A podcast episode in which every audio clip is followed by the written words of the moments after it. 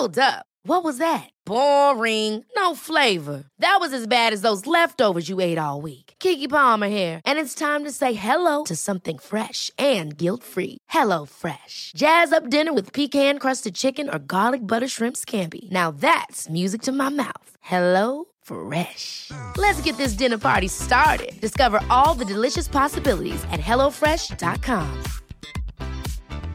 Hiring for your small business? If you're not looking for professionals on LinkedIn, you're looking in the wrong place. That's like looking for your car keys in a fish tank. LinkedIn helps you hire professionals you can't find anywhere else, even those who aren't actively searching for a new job but might be open to the perfect role. In a given month, over 70% of LinkedIn users don't even visit other leading job sites. So start looking in the right place. With LinkedIn, you can hire professionals like a professional. Post your free job on linkedin.com slash achieve today.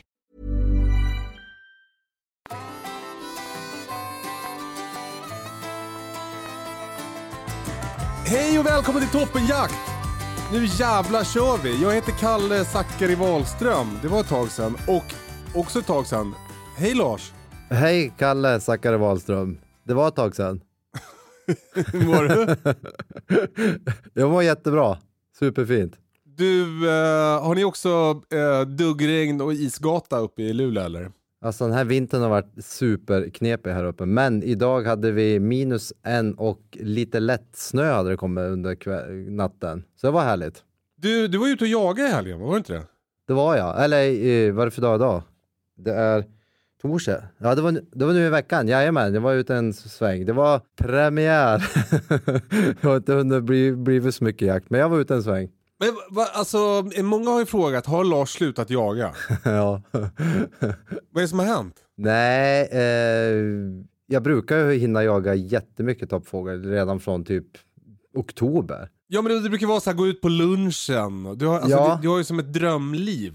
Ja men verkligen. Nej, men det, det, har, det har som inte blivit av. Dels för att jag hade ju en ny bössa som jag inte hade fått och skjutit in. Jag kan inte riktigt skylla hela, hela historien på det. Men sen, nej, det har bara, jag har inte hunnit. Jag ska vara helt ärlig, jag har faktiskt inte hunnit. Jag har haft så mycket andra grejer. Eh, kan man säga att, för du har ju blivit frilans sen förra säsongen. Ja, ja. Kan man säga att eh, frilanslivet har fuckat upp din jaktsäsong? Eh, Lite kan man väl säga.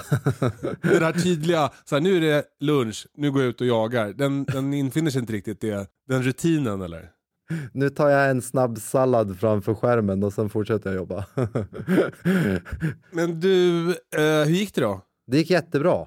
Det var, jag var och jagade med min eh, lillebrorsa Johan som var på och hälsade på. Ja. Så det var jätte, vi hade en kanonfin dag. Vi lyckades pricka in. Det har ju varit ändra storm, plusgrader eller någonting annat konstigt väder här på sistone. Så det var en sån här dag, vi sa båda, det känns som att det var som en, en, vårdag, typ i mars eller någonting. Men gud vad härligt. Ja, så det var, såg ju till och med solen. Gick ni eller åkte ni skidor? Vi åkte skidor. Och det var så här superskrapet före, för det har varit plusgrader innan. Sen, sen vart det minus på natten. Så den själva toppsnön var som en skida i glas. Det låter jättehärligt. Ja, men ändå sjönk man igenom så det lät ju från, alltså de, de hörde, all, alla, allt vilt i skogen hörde säkert att vi kom på två mils avstånd. Du, det känns som att vi behöver backa bandet lite, för du, du nämnde ju i förbifarten nu att du har en ny bössa. Ja, Och jag tänker att eh, det vill man ju höra mer om såklart. Vad, vad, är, vad är det för någonting? ja men precis. Det är ju en liten update från, jag gjorde en liten garagefilm om min Bergara Premier Ridgeback i 6,5 Creedmoor. Ja, Och sen låg den lite på hyllan, men sen fick jag tid att skjuta in den. Och då, du vet ju alltid, varför är det så Kalle? Varenda gång man åker på skjutbanan så har man lite lätt ångest och lite stressad. det är det värsta jag vet. Alltså det- att skjuta in bössor är det topp. Typ bråka med min familj, nummer ett. Parkeringsböter nummer två. Och nummer tre, skjuta in bössor. Ja, Alltså det borde ju vara något härligt att skjuta in bössor.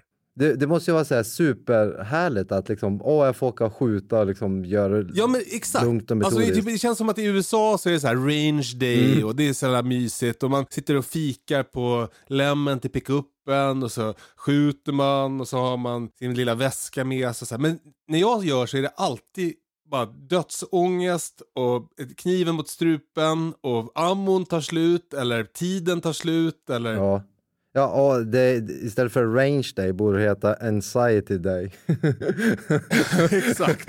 Men, men vad var, det, det gick dåligt för dig eller? Ja, den första gången jag kom iväg så var jag då ångest, lite stressad, du vet, hade tusen grejer. Jag tror det var en lördag förmiddag eller något sånt där. Halvtaskigt väder. Eh, och så, du vet, det ringer i telefonen och jag skulle hämta upp någon och du vet allting. Men jag tänker, jag gör ändå, halvspringer fram, 100 meters vallen, sätter upp en skylt, halvspringer fram, sätter upp en skylt på 200, lite lätt puls. Åh gud, jag får liksom eh, som, eh, högt blodtryck bara av att höra det. Ja. Lyckas sätta eh, först, jag hade grovriktat eh, genom pipan givetvis, så jag lyckades sätta första skottet på papptavlan i alla fall på 100. Så det var bra, ja, men perfekt, då mätte jag i riktmedlet och klickade in. Sköt, sköt fint på en klisterlapp, det tyckte jag, gud vad fint. ja, skönt. Det vänder tänker du? Ja, det vände. Det här kommer liksom gå hur smidigt som helst. Det är lugnt, jag kan dricka kaffe, chilla. Ja, det blir range day. det blir en range day istället för en ångestdag. Skjuter på 200, Ja. tycker att det mm, är lite ovan bössan och alltihopa. Så tycker men den är helt okej, men inte riktigt nöjd. Nej. Jag tror jag sköt några, några skott till. Jag sköt eh, serier om tre skott. En gnagande känsla av att det inte är riktigt det som du vill alltså. Mm, precis, precis. Du vet den känslan. Mm. Uh, skj- skjuter på 300. Mm. Jo, skjuter mig blodig på 300. Träffar knappt tavlan. Åh nej. Men lyckas jag ändå vingla in något sporadiskt då på tavlan som ändå tog ganska bra. Så då blir man ju ännu mer förvirrad. Så som- man, man förstår ingenting. Nej, tänker jag. Och jag brukar vara jätteduktig på att känna när jag är liksom bara, ah, för jag ryckte skottet eller avfyrade, eller låg lite dåligt. Det brukar vara ganska bra att känna. Ja. Uh, fattar ingenting, backade tillbaka på, på 200, grupperade väl sådär. Inte katastrof, men verkligen inte bra. Det är, typ, det, är sämre än katastrof. För katastrof då kan man ju tänka så här, nu, äh, nu är det något som är riktigt fel. Men när det bara är Ja. lite halvfel. ja, precis. Och, och, och så började jag få slut ammo och så, och så sköt jag på 100 och 100. 100 är så situationstecken kort avstånd, så det blev en någon, ja, jag vet inte. Typ Och i sammanhanget är det ju kort avstånd. Ja, typ sådär. och, och jag kände på om allting liksom satt, satt någonting löst allihopa. Slutade med att det, liksom, det ringde ett samtal så drog jag därifrån med liksom dålig känsla. Alltså du åker därifrån med inte inskjuten bössa. Nej, det var lite så här, ja, jag vet inte. Kanske är den här positionen. Fy liksom, det, det här kanske är nya jag. Gud. Ja. Jag jag är inte bättre, bössan är inte bättre, jag är inte bättre. Och det här, sen är liksom... Men och då, och då är också känslan att om du ska ut och jaga med den där, när man jagar toppfågel för er som inte har gjort det, då är det ju väldigt mycket transport. Alltså man Mm. skidar och skidar och skidar och skidar. Man kanske ser en fågel, man smyger, man stöter. Det är väldigt svårt att komma till skott. Och Mm, ofta när man kommer till skott så är det ganska svåra skott. Och att då ha en bössa man inte litar på, ja men då är det ju helt meningslöst att vara ute liksom. Ja. Och jag sa till Maria hemma att alltså, ah, jag vet inte, jag har sån ångest, det känns inget bra. Hur tar hon emot det då? ja men hon, ja men hon, ja men det, det där löser du.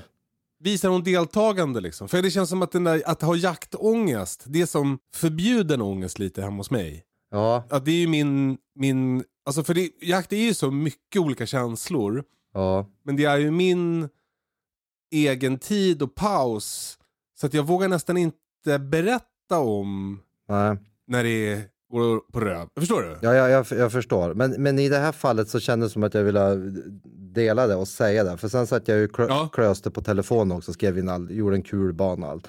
Så fråga, Ja. frågade hon, men vad gör du? Jag bara, ah, jag sitter ju med det här. Hon bara, ja, lite halvlog, ja, typ din nörd. och så pratade jag ja. lite om det, så nästa gång, jag krattade ju lite manegen också, sa jag, alltså jag måste fara på skjutbanan. Och då hade jag som ändå lite förståelse, jo, jag förstår. Just det. Jag måste få till det här. Och så, jag måste ju kunna jaga och jobba med det här så att det är liksom... Du måste ju lösa det här problemet som eh, du har hittat på själv. Precis, och då kommer jag sitta mindre och klösa mina tabeller och gå runt och vara disträ. Lång historia kort, jag fick mer ammo i alla fall. For, for på banan och tänkte nu ska jag lösa det. Nu ska jag inte ha liksom ett stressat sinne. Ja, just det. Gör det lugnt och metodiskt, liksom hade, tog god tid på att sätta upp på 100, eh, på, på 200, 300 skyltar. Började på 100, allting låg bra, kolla allting. Sköt jättefint på klisterlappen. Det enda konstiga var att jag fick klicka typ jättemycket för någonting hade ändrat sig. Jag tänkte, men vad är det som har ändrat sig? Hade du gjort något då, eller? Jag hade inte gjort någonting. Nej. Eller hade jag bytt ammo? Nej, det var samma ammo. Ja. Det var ju jättemärkligt tänkte jag. Eller, då tänkte jag för att jag hade gått igenom hela eh, systemet hemma. Jag hade skruvat på alla rattar och fipplat och vridit. Tänkte jag om det var något sånt då. Ja, Eller att, eller att hå- hårkorset hade hängt sig i siktet. Kan det det? Eh, Jag tror att det kan det, men in, inte på liksom, moderna sikten ska det göra. Men det finns en möjlighet att det kan göra det. Och då sköt jag liksom en jättefin klisterlapp, grupperade jättebra. Jag bara, nu, nu, I'm back, I'm back. Ja, den känslan är också väldigt härlig. Alltså när det går bra. Ja, När man känner sig ostoppbar. När det liksom är som att man, kan try- man trycker på en knapp 200 meter bort och så träffar man exakt där man vill. ja men precis. Gick liksom med, med, med gott självförtroende ut på 200 meters banan, sköt en grupp som var jättefin. Jag bara, ja men här är jag ju. Nu, Man är tillbaka! jag är tillbaka. Och, och låg och matade på. Det var ju svinkul. Så jag låg och matade på där och liksom, ja, du vet, man börjar jaga tätare grupper och sånt där. Ja. Och så ut på 300 tänkte jag, det här är ju hur lugnt som helst. Och jag har så här självmarkerande mål, så jag ser ju träffen även ut på 300. Ja. Och sköt på 300 så bara, eh, alltså ska det inte bli gult när man träffar på tavlan? Åh nej. och så hade jag en till tavla och tänkte, nej jag måste ju ha bara vinglat eller andas konstigt. Och så sköt jag på andra tavlan, pang, pang, pang, så var ett skott satt i, på, det, liksom, på tavlan, men långt ut. Åh nej. Ja, du vet, så här, när man bara åh, börjar kallsvettas och bara, nej vad är det här? Skjuter jag så här dåligt på, vad, är det för någonting? När man har känslan av att, är, så här, är det verkligen skarp ammunition eller är det blanks jag skjuter? Ja men precis, eller var det så att jag sköt tre skott hål i hål på 300 så att jag ser inte att det var... Och så måste man gå fram och- fram och så tar det typ 10 minuter att gå för det är så jävla långt. Ja. Gick fram och kollade och så bara, nej alltså det här är ju katastrof. och då gick jag tillbaka, men då tror jag att jag hade skjutit så många skott så mitt fel som det faktiskt var uppenbarade sig. Och nu ska du få höra, hör och häpna. Ja. Picatinny-skenan som jag hade monterat i lådan satt helt löst. Det var som en jävla maracas. Det är inte bra. Det är inte bra, men säkert i något läge så nöp den väl fast i någon av de där skruvarna, så då sköt den ju som jag hade skjutit in den. Men rätt var så plopp, hoppar den väl till. Och på 300 meter blir ganska lite rörelse i siktet, blir ganska stor rörelse i träff. Ja, det blir ju så. så. Så med facit i hand så ska man inte spela in garagefilm, vabba och skruva Picatinny-skena Samtidigt. samtidigt. Jag, jag har inte den simultanförmågan att göra någonting. Alltså kan man nu gå in i den här garagefilmen och se när du fuckar upp? Har du gått tillbaka och tittat? Det kanske, det kanske man kan göra. Det var faktiskt en, en, en, en skytt, jag tror han är långhållsskytt, som fint skrev DM så här. Han ville väl inte skriva det offentligt, det var ju jättefint. Han bara, du, jättevanlig grej att man gör. Men du har satt spurfästet bak och fram. så, så att du har vattenpasset eh, framåt, det är lite svårt att se då. jag bara, åh men tack. Åh, vad fint att han sa jättevanligt att man gör. Ja, precis. så, då, äh, det, så det ändrar jag. Men eh, skenan satt då tydligen inte fast. Men då fick jag ju hopp om livet. Så då, Ja, och jag hade verktyg med mig på skjutbanan, så jag drog fast den där så att nu sitter den ju hermetiskt i lådan. Ingen kommer få bort den. Det blir- gängpaj nästan. men underbart. Ja, och så gick jag tillbaka på, på 100. Ja, då var jag ju tvungen att ju- justera de där 30 klicken igen. Just det. Och, och då, satan, hål i hål alltihopa, så ut på 200 och du vet när det bara känns så här, bara pang, pang, pang, sjukt fina grupper. och så ut på 300, jag är inte jättebra på att skjuta egentligen på 300, men liksom, jag har aldrig skjutit så bra på 300. Åh, gud vilken härlig känsla. Ja, så jag skrev till er då bara, nu, nu har jag hybris liksom. Ja. och sen när jag varit på skjutbanan efter det och liksom bara bekräftat, så bara, ja, jag skjuter så här bra. Herregud. Eh, men och, och liksom, eh, eh, eh, hur, hur nöjd är du med nya bössan nu då? Jag är jättenöjd. Jag är hur nöjd som helst nu. Fy fan vad skönt. jag har världens bästa känsla med liksom hela systemet. Så, så provar jag labba lite med, för jag skruvade bort mynningsbromsen. Jag tänkte att det var den som fuckade upp kulbanan eller någonting. Ja. Så när jag liksom väl åkte tillbaka så tänkte jag nu gör jag rätt, ta bort alla grejer som kan fela och bla bla.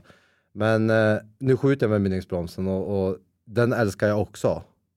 För att, så, för klipp till när vi jagade här, häromdagen. Ja. Eh, nackdelen med mynningsbroms är att den, den smäller ju lite högre, speciellt om man ligger under tak på en skjutbana. Men ute i det fria så är, är det inte alls att du tänker på det. Och jag skjuter med Men och, all, och för er, de som inte vet då, att man har en minnesbroms för att få mindre rekyl. Ja, för att få mindre rekyl. Det låter mer men du får ju mindre rekyl. Den jag har tror jag enligt, enligt data tar bort typ 75% av rekylen, vilket är jättemycket. Det är ju helt sjukt. Ja, och så då blir ju också, förut har jag jagat med dämpare, men då blir hela bössan blir ju väldigt lång och slängig när vi skidar med dem på ryggen. Så nu har jag ju som ett jättekort system. Och jag tänkte på det efterhand när jag sköt, jag sköt ju en orre här eh, när vi var ute på ganska långt håll. Och jag tänkte efteråt att jag såg hela förloppet i siktet. Eftersom det var så lite rekyl så höll jag ju kvar ögat. Ja. Jag såg bara oj, det, den träffade, där vinglar den, där ramlar den. Och annars tidigare så tycker jag oftast att det blir, jag sköt på kanske 18 gångers förstoring. Alltså liksom pang och så upp med huvudet, vad hände? Kolla Ja. liksom, du ser ingenting i siktet och ingenting med ögonen heller för att du hinner inte fokusera. Så att det var sjukt nice upplevelse. Vår husskytt, Lill-Ove, han har ju lärt mig det där med skjutställning, att det är så himla viktigt Ja. när man skjuter på långt håll. Och det handlar ju väldigt mycket om rekylupptagningen. Ja, Och att rekylupptagningen, alltså när man skjuter bra, då ligger siktet kvar på målet efter skottet. ja men precis. Och det eh, är, då skjuter man mycket bättre. Ja. Så, så vad härligt. När, när du, jag och Lill-Ove sköt på skjutbana också, eh, som vi kommer att släppa Youtube-avsnitt av. Det är också så, det finns ju ingenting i livet som du bara är bra på att inte träna på det. Ja, exakt. Så Nej, man måste träna. man måste träna. Skjutställning, skjutställning Ja. och liksom avfyrning och hela den biten och liksom bli trygg i det. Så eh, det känns, eh, det känns jättebra. Och, och jakten gick ju kanon. Jag sköt en orre. De var jättenervösa så vi hade igång en flock orrar hela förmiddagen men de drog liksom på. Otippat att orrar, var de orriga eller? Väldigt orriga, extremt orriga. Och till Ja. sist får de och grävde ner sig men vi lyckades skida på dem och skrämma upp dem igen. Så då var det bara en stackars orre kvar innan vi tappade bort alla så då var det ett långskott och det gick bra. Det blåste lite så jag klickade faktiskt för vind vilket jag är jättedålig för. Shit. Men jag klickade för vind och det, det tog bra så det var i, ännu härligare känsla när, när allting funkat, långskott träffade norre. Nu kan det bara gå sämre. Man vet att, det, man, vet att man eh, litar på bössan och känner sig stark när man börjar klicka för vind. mm, eller hur? Det är som en level upp. Så nu, nu rider jag på vågen. Och sen lyckas vi. Det är ju ont om tjädrar då. Det är väldigt gott om orre, väldigt ont om tjädrar. Mhm. Men eh, på vägen hem så skidade vi förbi ett stråk där det brukar vilja sätta sig tjädrar. Och sånt, jag fick syn på en som kom och flög lågt. Det, är ju ingen snö, eh, det var ingen snö i träden så det var jättesvårt att se. Mm. Men, men vi lyckades spotta den, se riktningen på för vi skidade efter den och vi listade ut vart vi trodde att den skulle sätta sig. Så mycket riktigt så satt den där. Så min, eh, min lillebrorsa fick skjuta den. Så det var ju en jättelyckad jakt. Fy fan vad härligt. Vad, vad beror det på att det är så lite tjäder då? Jag vet inte, jag tänker att det är naturliga fluktuationen i viltpopulationen. Ja. Det går väl om cykler om tio år. Det är mycket hare ett år och lite hare och mycket fågel ibland. Och vi har ju varit jättebortskämda med mycket fågel de sista tre åren. Apropå bortskämda med mycket vilt så eh, har det ju hänt något med vildsvinstammen här nere hos oss. Ja, berätta om det. Ja men det är ju katastrof, det finns inga vildsvin kvar. Är det så? Vi, ja, ja det, är, det är faktiskt helt sjukt. Ja, det, det är klart det finns vildsvin i skogen. Eh, men, men här där jag bor så är det nästan inga brungrisar utan det är bara vuxna. Oj. Och vi har väl liksom lite, tror jag, det har varit så mycket vildsvin och det har bara ökat och ökat och ökat och ökat. Ja. Och jag tror att eh, den allmänna känslan har varit så här, det finns hur många som helst. Så jag tror att avskjutningen har varit lite eh, oansvarig. Ja. Alltså man har skjutit för mycket suggor. Eh, det, det har blivit lite för lätt med... Alltså det här, jag vet inte om det här är kontroversiellt. Jag orkar Nej. liksom inte riktigt eh, rid, dra igång en, någon slags jävla debatt. Nej, men men mörkersikten som, ju, eh, som jag själv jagar med, Ja. det har gjort att, att vissa människor skjuter lite för mycket vildsvin och det också kanske skjuter lite för mycket suggor. Mm, mm. Men sen har de också hittat salmonella i vildsvinen. I princip alla vildsvin de skickade in har någon ny typ av salmonella Jaha. som eh, de vuxna vildsvinen klarar men som kultingarna dör av tydligen. Ja.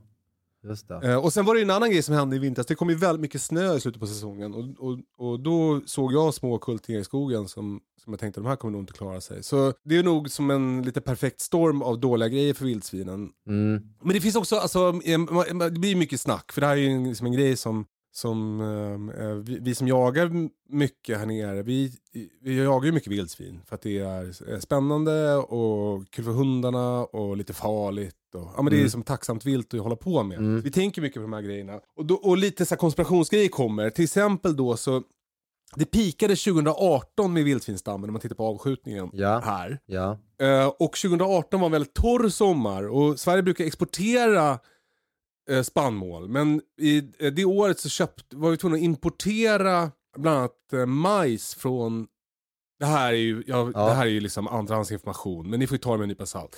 Då i- importerade vi majs från Baltikum Och eventuellt så kom då om det är smittan eller om det är något annat skit som hände med det. För sen dess har det då gått ut för ganska brant. Ja. Och eh, jag snackade med en kille igår, han, han har en kompis som jobbar, jagar nere i Skåne och där var det också så här, hälft, avskjutningen är typ hälften mot hur det brukar. Men här där jag bor är det ju liksom, alltså det är, det är, det är, det är liksom 85 procent. Ja. Så det är ju tråkigt för oss som har tre bra vildsvinshundar.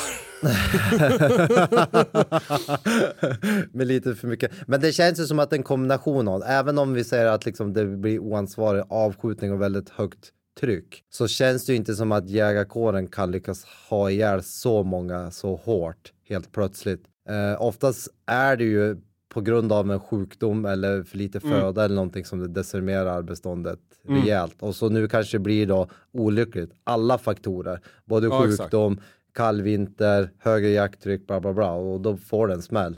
Men alltså, jag känner mig som lite så här, alltså hela tiden som går runt med en känsla av att det är något dåligt som har hänt. Du vet, så, här. Ja, så ja, vi får se hur det går. Men, eh, men jag hoppas att det, det ordnar sig med vildsvinsstammen. Nere, på, nere i Europa så, har, så, så finns den här salmonellan, det är därifrån den kommer. Och där har vildsvinen då lärt sig att ja, ja, hantera den. Så där, där finns det ju vildsvin.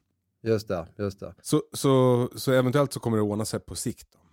Mm, mm. Men kan, kan, det, kan det ett tag ha varit för mycket då? Jag tänker naturen är ju fantastisk. Så, for, så, fort, så fort det blir för mycket av någonting då kommer det ju en pandemi eller en sjukdom eller en harpest eller någonting som, som håller i balans. Ja, jag, gillar, eh, jag, gillar, jag gillar den tanken också. Jag Det låter rimligt. Här uppe, nu har inte vi vildsvin här uppe, men här märker man ju jättetydligt de här liksom cyklerna. Ett år har vi jättemycket, finns jättemycket sork, det finns jättemycket ugglor, jättemycket hara, allting finns mycket.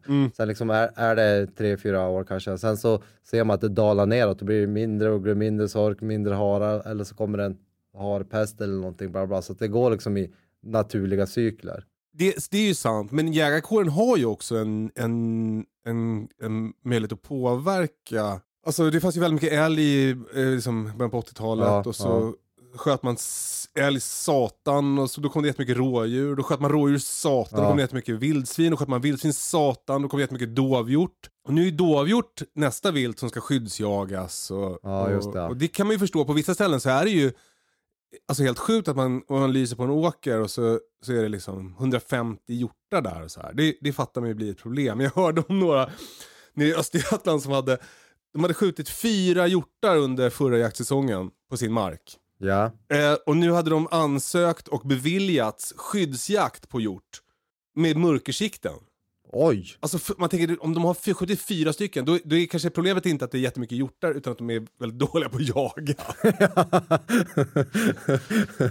Precis. Jag har jagat mycket i Uppland den här säsongen och där finns det Mm. fortfarande gris kvar. Där har man inte riktigt märkt samma nedgång. Så, så förhoppningsvis så... Men, men se, ser du ungefär, är, är det väldigt lokalt eller ser du ungefär jämnt fördelat ut i liksom södra Sverige som har vildsvin? Eh, jag, jag, jag vet inte det, men jag jagar mycket i Östergötland och eh, här på Södertörn och i Uppland. Och då i eh, Östergötland har det minskat mycket.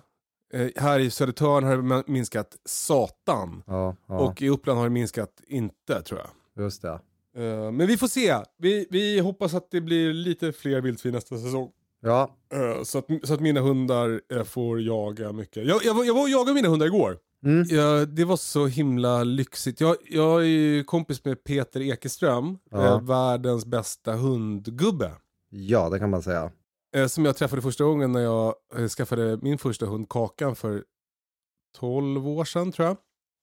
Då var jag där för att lära mig lite om hur man ska vara med hundar och sånt där. Och han är helt fantastisk. Vi har ju konstaterat det förut, han är ju egentligen inte svinbra med hundar. Jo, det är han ju. Men han är ju svinbra uh, hundägarpsykolog. Exakt. Men det, och det, där är så, det, där är ju, eh, det där är så jävla... F, eh, det är så jobbigt att tänka på det där. För jag har hela tiden som en... Som en det ringer som varningsklocka hela tiden när han, han håller på och säger så här, gud vilken bra, vilken underbar dag det här var Ja. idag, så här, sa han igår vi ska åka hem. Då tänker jag så här, säger han det där nu för att jag ska åka härifrån med en god känsla? eller säger han det för att det var en härlig dag? ja, jag fattar. Ja, alltså det där är ju svårt. Men jag ska berätta om min härliga dag i alla fall. För då hade vi gjort upp att jag skulle komma ner eh, nu i slutet på säsongen och så skulle vi ha en dag när vi lekte där nere. Och eh, eh, fokus var på unghundarna. Mm. Så eh, Kerstin, min jämthundsvalp som är sju månader och Istass, Mm. hon är, fyller ju två i mars. Eh, eh, min eh, 87,5% gråhund, 12,5% vaktel. Ser ut som en liten svart gråhund. Och säga. jaktgalen. Psyk, psyke överlag kan man ju säga om henne. Eh, ganska stark motor eh, men har inte fått så mycket chanser faktiskt om man ska vara helt ärlig. Nej. Eh, och det här blir ju känsligt men Britta lyssnar inte på podden. Men, men, men Istas var det är ju från egen kull förra året efter Mm. min gråhund Bonnie. Och eh, Istas, att vi behöll henne var ett beslut som som eh, Britta och vår dotter Essa tog. För att eh, Essa tyckte så mycket om Istas och de är födda på Essas födelsedag. Och Mm. Det var som att de ville behålla henne. Och det var ju jättemysigt så länge hon kunde gå lös. Men när hon inte kunde gå lös längre och var tvungen att vara i hundgård och koppelrastas och sådär. Då blev det ju ganska mycket att det var jag som hade Istas istället. Ja, ja. Och jag har eh, inte riktigt... Alltså hon, hon eh, har potential att bli en jätte, jätte, jätteduktig jakthund. Men hon är ganska lik min gråhund eh, i jaktsättet.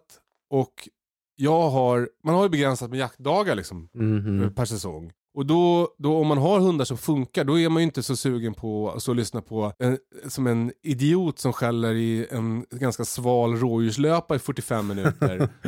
då vill man ju att någon ska, man ska släppa någon som, som ställer ett vildsvin som man får smyga på. Liksom. Mm, mm.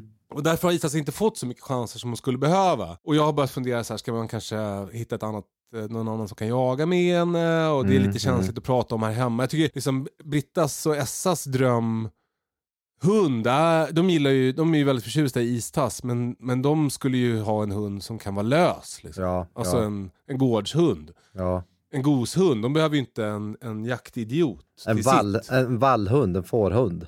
Ja, men det tror jag också. Det skulle vara jättebra för oss ha. För, I morse hade kossorna rymt för övrigt. Eh, men, eh, men det är ju så jävla mycket jobb. Jag tror att de behöver en enkel hund. Ja, Men, men Isas, eh, jag, tror, hon skulle nog kunna bli svinbra på eftersök också. Och det är någonting som jag gör mycket. Så det, det Mm, skulle, mm. Hon är väldigt spårnoga, så det skulle kunna vara en grej hon skulle kunna hålla på med. Men jag släppte henne igår i alla fall.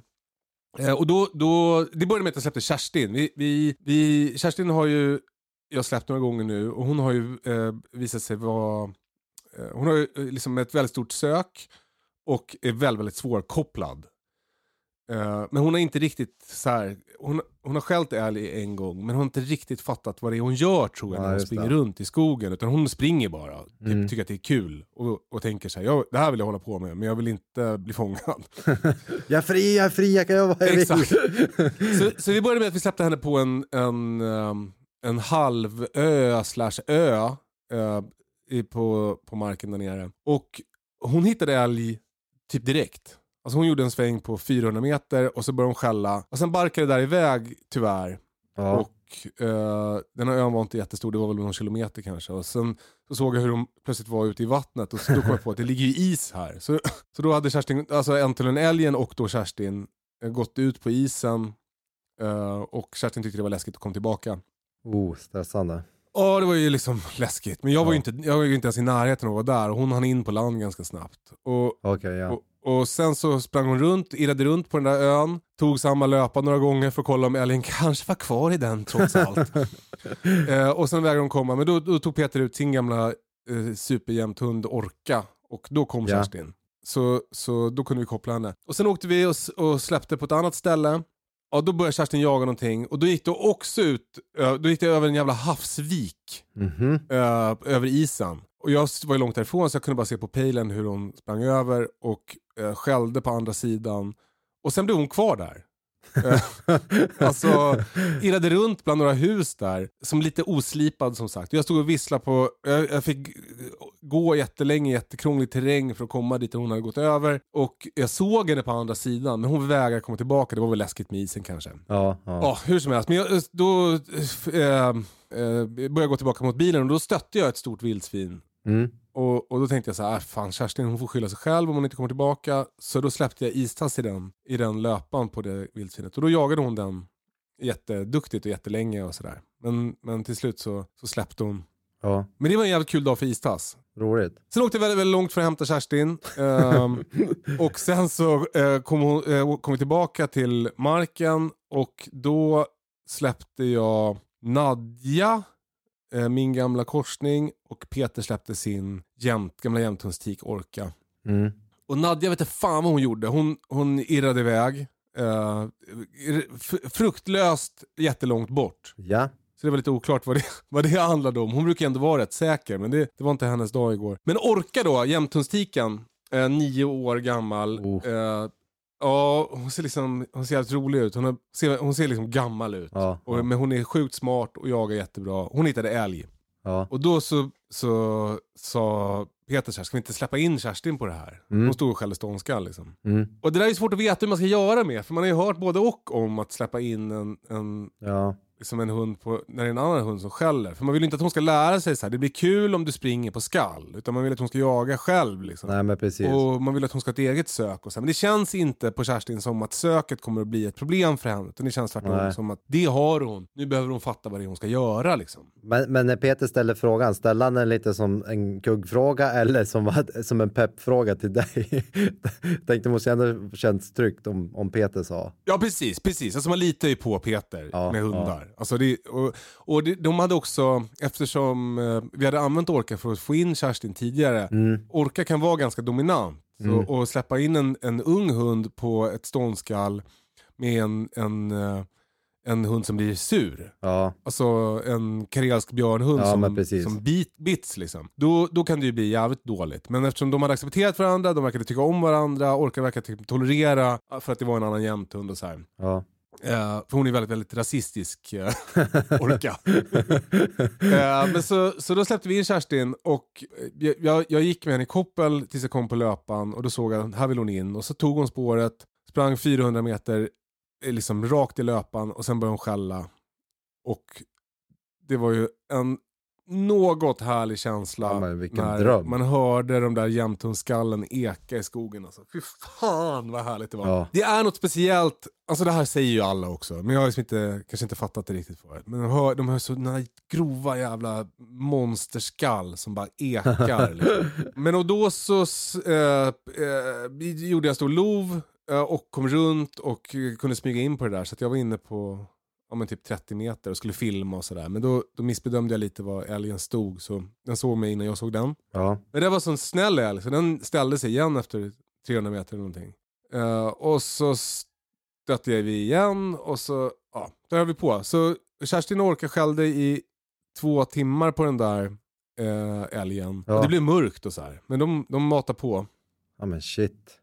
Ja, det var jävligt coolt. Vilken eh, bra och vänlig älg. Så jävla, alltså så jävla tacksam för älgen, och så jävla tacksam för Orka, och så jävla tacksam för Peter. Och för Kerstin. Alltså, Ja, och- så himla kul. Och att Kerstin är ju väldigt ung. Ja, precis. Hon är väldigt, väldigt ung. Alltså, det är inte meningen att hon ska, jag vet inte ens om hon ska jaga, alltså, hon, hon, det är inte meningen att hon ska fatta någonting än. Ja men precis. Men man kan liksom, när jag stod där och lyssnade på skallet igår, så kunde jag liksom se framför mig hur pusslet las i hennes lilla huvud.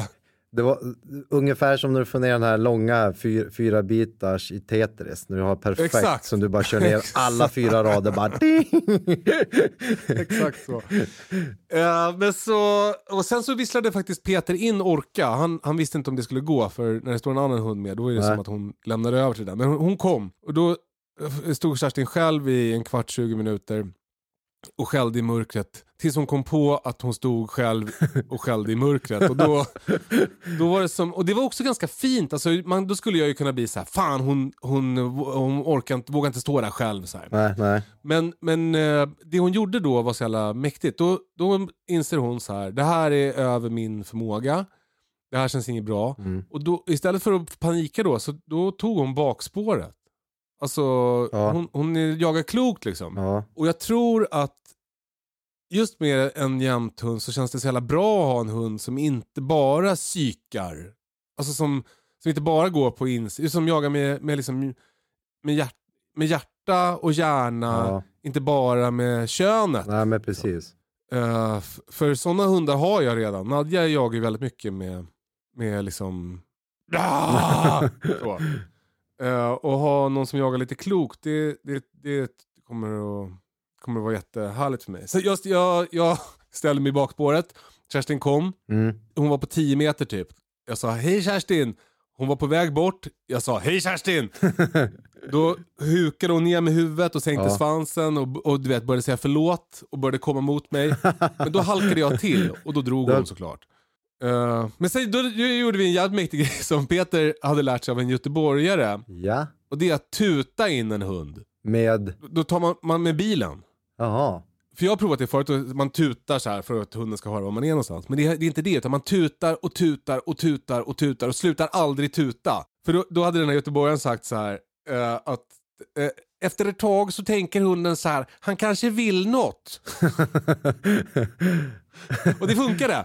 Jag gjorde det? Så vi tutade in henne. Sen kopplade jag henne och åkte hem och eh, med en jävligt god känsla för att Peter hade sagt att det här var en jävligt lyckad dag. Ja. Och nu vet ju inte jag om han sa det för att det var en lyckad dag eller för att han ville hålla mig på gott humör. Men, men det känns som att det var Men, men, men, jävligt kul. han sa ju det, nu när du berättar hela historien, dels sa han ju det för att han menade, för det var ju en lyckad dag. Mm, mm, eh, med hundarna och alltihopa. Och sen också lite som du sa, han, han kanske också sa det för att plantera att du inte skulle ta med det som du var på väg att tänka. Just det. Det här dåliga, Just att hon skällde en som en mörker 20 minuter, hon borde ha kommit bara, bara bli besviken på det. Då kanske du släppte, släppte det. Ja, ja precis. Men, men jag, jag är liksom lite för, lite för, jag har liksom lite för långa känselspröt för att Ja. svälja det med, med krok och sänke. Utan jag, jag börjar tänk, då börjar jag direkt tänka så här, hmm, han kanske menar.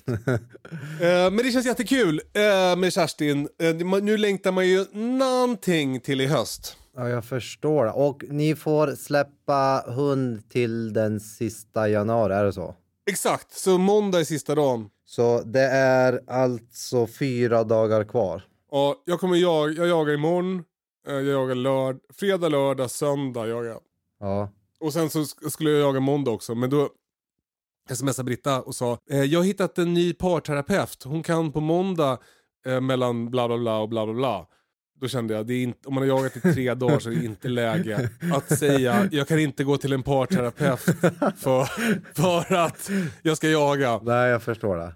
Men ändå tänkte du i din hjärna lite så här snabb, snabbt överslag. Bara, det är klock, Mm. klockan då, om jag hinner göra så här, lämna barnen där så kanske jag hinner. Ett morgonsläpp. då kanske jag hinner ut och ändå komma. Så tar jag med mig klä, vanliga kläder i bilen så, och så bara, nej fan, jag hinner inte. Alltså jag kan låta Nadja stå med någonting och sen komma tillbaka ja, precis. Ja men så ser min, ut på min säsong. Imorgon ska det bli kul, då ska jag åka till, eh, till Tierp. Det är en kille som har hört av sig på Instagram som sa, de har någon mark där och massa gris. Ehm, det är jättelångt så det kommer, jag börjar gå upp klockan halv fyra eller någonting imorgon bitti. Men, Ja. men det är, eh, de har massa gris och inga bra grishundar. Och då känns det ju, det är så jävla mä- mäktigt alltid när man, när man känner att man kommer dit för att lösa, alltså att det är som ett Ja. jobb. Ja. Alltså som att du skulle få problem. Det, vi har så mycket problemtjäder här uppe, du måste komma och skjuta dem. Precis, de ringer in SWAT så kommer du och kliver ur bilen. Ja, vad är situationen? Exakt. och eh, Pang-Anders kommer ner va? Japp, så han ska med. Vi ska jaga tillsammans både fredag och lördag.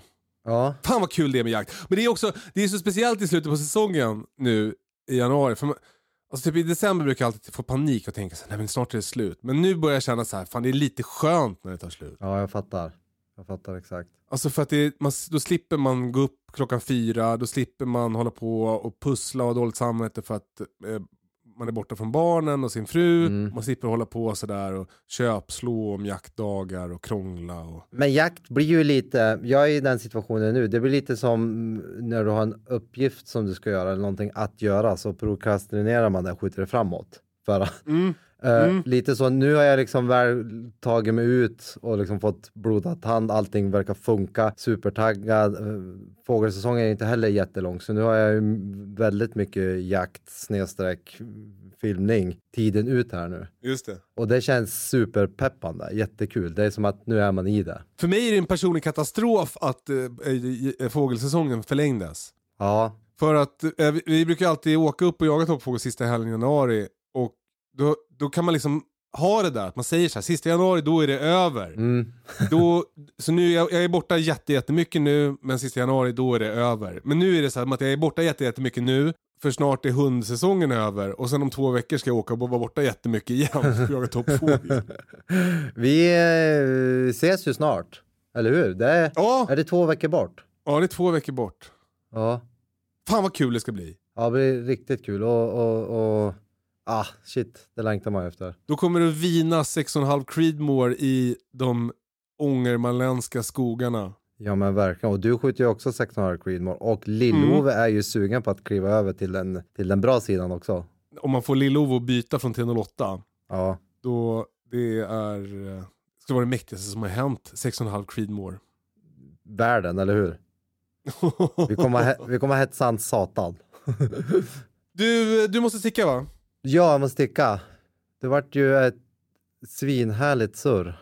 Ja, jättemysigt. Vi, eh, vi hörs igen snart. Tack för att ni lyssnar hörni!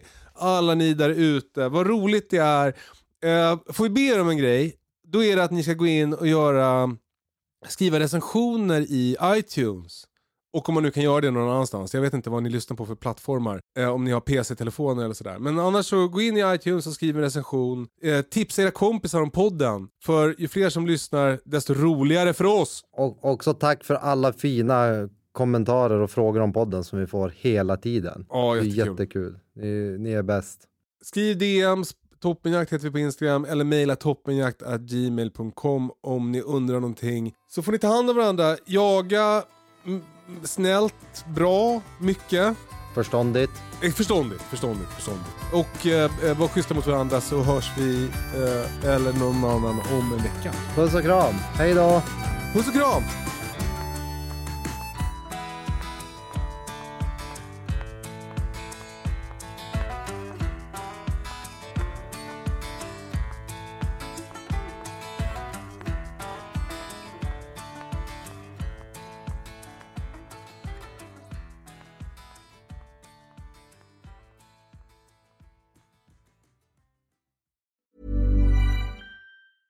Ever catch yourself eating the same flavorless dinner three days in a row?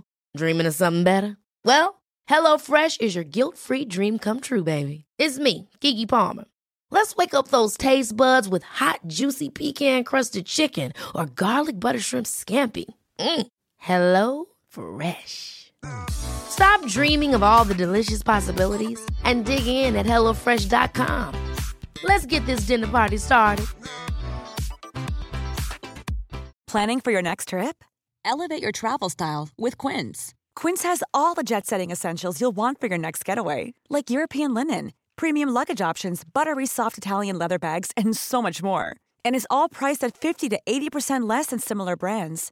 Plus, Quince only works with factories that use safe and ethical manufacturing practices.